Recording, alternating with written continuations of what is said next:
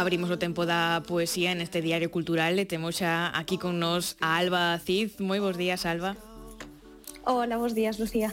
Oxe, queres mm, recuperar aquí eh, un libro eh, publicado nos últimos meses que é a ontoloxía poética de, de Carlos Santiago, que está editado por polo escritor Carlos Meixide, e falamos de ontoloxía máis que de antoloxía, non? É así un pouco un exorcismo de textos como anuncia ese prólogo, pero en todo caso un volume recompilatorio da creación poética de, de Carlos Santiago, non? Como nace esta publicación, Alba? Pois si, sí, eh, Carlos Santiago, eh, como seguramente moitas saibades, é un creador diverso, filiado principalmente ás artes do espectáculo, e eh, cunha longa trayectoria escénica que nunca deixou de facer pena escrita.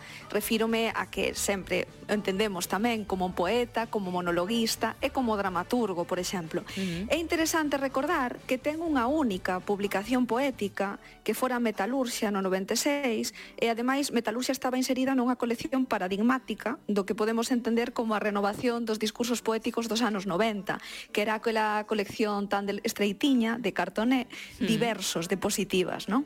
Eh, Metalurxia daquela confiaba moito no xogo tipográfico, na mestura de registros e na intertextualidade con materiais moi diversos, como son a novela negra, o cine ou a música. Toda esa enerxía eh, segue a ser marca da casa, diría, non? Nesta antoloxía. Mm. Eh, é certo que a partir de aí, a partir dese único poemario diario publicado no 96, parece que se dá unha toma de decisión consciente, eh, que é facer poesía, pero facela en modo escénico. Entón, como el mesmo anotou, e leo vos dúas liñas del, desenganado da escrita poética como vía revolucionaria cara a autodeterminación de sí mesmo, foi no palco da NASA en as súas ultranoites onde descubriu a contundencia da oralidade como método de acción directa. Entón, temos a figura dun creador que efectivamente transita non dunha maneira renovadora a poesía nos anos 90, pero nun punto determinado decide dalo todo non pola escena. Mm. E por iso este volume se concibe, como ben anuncia ese prólogo, como unha maneira de facer facerlles un exorcismo de liberar, pero tamén de liberarse el mesmo, non? De textos que o levan acompañado durante máis de 20 anos, e moitos deles tiveron, por suposto, unha vida sobre os escenarios. Mm. Falamos, claro, precisamente de deses textos que logo servían de, de base para performance, para recitais, para proxectos teatrais, non? Entón, mm, que registros poéticos podemos atopar aquí?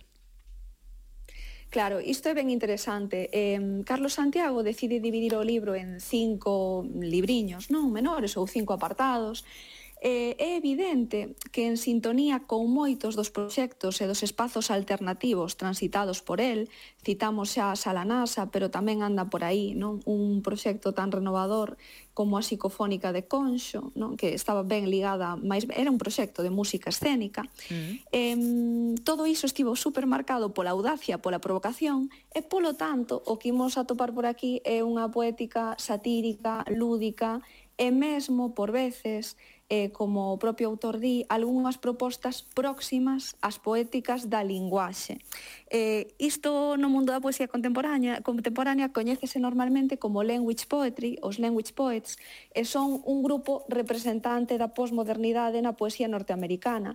Realmente eran un colectivo grande de dos anos 60 e 70 que lle deron unha volta a nocións como a da voz poética, como principio fundacional da poesía, uh -huh. ou a nocións como a autenticidade, a veracidade, non a naturalidade que se lle supón a poesía, e mesmo a narratividade como un piar para a construción dun texto poético. Eh, o autor mm, dixo, nalgún momento, veu a confesar, que caera na sala NASA unha antoloxía destes language poets. Eh, a min dame no corpo que esa antoloxía debe ser eh, La lengua radical, que fora unha antoloxía con bastante percorrido por España, unha antoloxía preparada por Esteban Pujals Gesalí, e que, mm, curiosamente, esta antoloxía mm, foi importante tamén eh, na traxectoria de outras creadoras. Unha poeta ben recoñecida como Chuspato tamén confesará que a ela, en fin, eh, Leros Language Poets sí que lle axudou a cambiar, non a facer unha viraxe na súa propia obra. Entón, nalgún momento cae esta antoloxía dos Language Poets nas maus dele, de algún outro compañeiro da sala NASA, e dalles non a, a posibilidade de, de ver que se está facendo noutros lugares non ou que marca a poesía posmoderna norteamericana. Eh, hai moito, como vos dicía, de poética satírica, de poética lúdica, mm. moito uh -huh. desta aproximación, de alguna maneira, á linguaxe. Nunca deixa de lado o xogo formal. Eh, isto é algo que que no coñece en escena saberá perfectamente. Temos por aquí, por o medio do libro, poemas como Lixo verbal, que tivera, mm, tivera o seu peso non en todo en todo o proceso da burla negra e demais, uh -huh. pero tamén temos poemas creados únicamente con vogais, non como Camiñantes en memoria. E eu uía eu, eu ia o io ou ia a oia, non? todo este tipo de, claro, todo este tipo de xogos e coa linguaxe andan por aquí. Eh, nos primeiros epígrafes do libro, en Caderno de Notas, recoñécese boa parte dese repertorio escénico do autor, non? Eh, seguramente pezas que, que escoitásemos máis dunha vez. En Soviet Punk, que ven a ser a terceira parte, faise perceptible un ton de denuncia máis directo. Eh, ás veces é un ton de denuncia ante a trivialidade, digamos, da escrita poética, ante os límites da poesía, ante un positivismo non eh, do pensamento imperante e demais.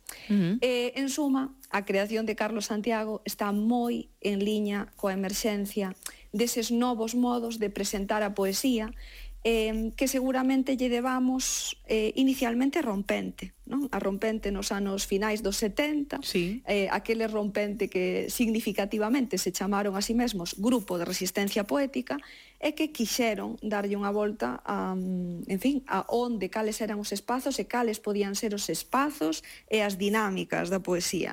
Eh, o propio Rompente reflexionou eh, como colectivo en documentos internos, pero tamén en, en entrevistas moito sobre cales eran as opcións da comunicación poética e ademais tivo sempre unha liña política clara Todo iso, non ese desexo de levar a poesía a outros lugares, pero tamén de non deixar a un lado o activismo, eh, anda por aquí. Hai unha enerxía moi semellante en todo o que podemos atopar neste volume. Uh -huh. eh, temos tamén nesta, nesta ontoloxía, ademais desas mm, seccións de sentimentación que, que comentabas, unha parte central eh, en prosa titulada As cinzas de, de Pasolini e tamén unha ontoloxía da incógnita que recolle os seus poemas máis recentes, non? Que atopamos nelas? Hmm, pois é certo que son partes ben diferenciadas. As cinzas de Pasolini sabemos que nace como un monólogo poético, trátase dun texto longo, dun texto moi fluido, cunha evidente pulsión narrativa, con moito humor, non deixa de ser en parte, non tamén unha homenaxe á figura de Pasolini mm. que marcou a moitos creadores das últimas décadas. É, é un texto que pouco a pouco non vai tendendo cara ao verso, é un texto completamente diferente deses textos mm, de repertorio, non? ou deses pequenos xogos formais que comentábamos, que están nas, nas epígrafes anteriores. É ontoloxía da incógnita, é, é xa a recompilación de poemas do 2018 e 2019. Hai un montón de cantos nesta parte. Eu diría que posúe un ton distinto, porque aínda que siga a ser irónico, que siga a ser contestatario, porque sempre o é, non deixa de selo, é moito máis reflexivo e moito máis grave. Aquí dáselle unha volta importante a, ao concepto de nación, e ademais remata moi diferenciadamente cun, con dúas elexías con Elexía F, canto 1 e canto 2, que son elexías a un amigo e a un compañeiro. Eh, nada que ver, non nada que ver o, o xogo e eh, o ludismo das outras partes con este ton máis grave final. Mm. Eh, en suma, é unha maneira de transitar 20 anos realmente de produción e eh, ben organizada, non? Eh, que dá para ver a amplitude do xesto de, da creación por parte de Carlos Santiago. Mm. Eh, Alba, xa para ir fiando cara ao final, mm, por, que, por que achegarse a este exorcismo de, de textos contra a realidade?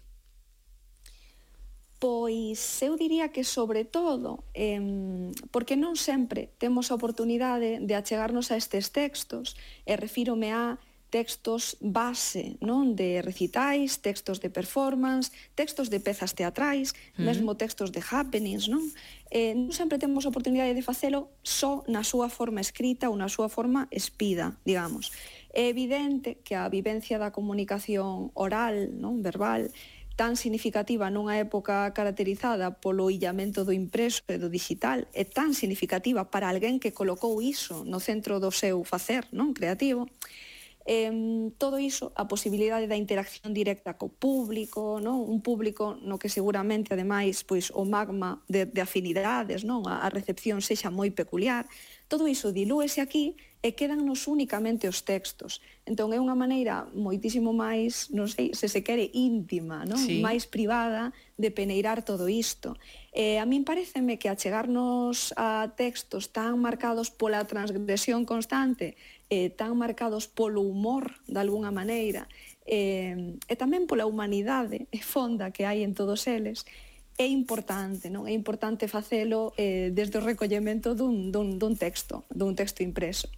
Mm, non sei se lervos un fragmentiño eh, Por dun dos poemas das primeiras partes, claro. Eh, é un poema que retoma a figura do poeta uh -huh. e a figura do poeta vai estar, está presente ao longo de todo o volume, con moita ironía, con moito de queixa, non? Eh, lendo bastante a cartilla do que os creadores fan. Entón, conto vos, eh, estou contento de estar aquí, nesta utopía tropical, neste país caótico e ultralixeiro que todos temos na cabeza. A vida é o abismo onde ten lugar a nosa pantomima. Eu son el, e ti és el, e ti és eu, e todos somos todas. Podes facelo comigo se queres. Simplemente lembra que son un poeta de usar e tirar. eh, ata aquí. Pois eh, ese poeta de, de usar e tirar que non leva a un libro que sexa de usar e tirar, senón que é de, de ler e reler que esta ontoloxía poética que de Carlos Santiago que, que edita Carlos Meixide e que hoxe nos comentou aquí neste Diario Cultural Albaciz, a quen lle agradecemos moitísimo como a sempre as súas achegas. Grazas, Alba. A vos, escoita.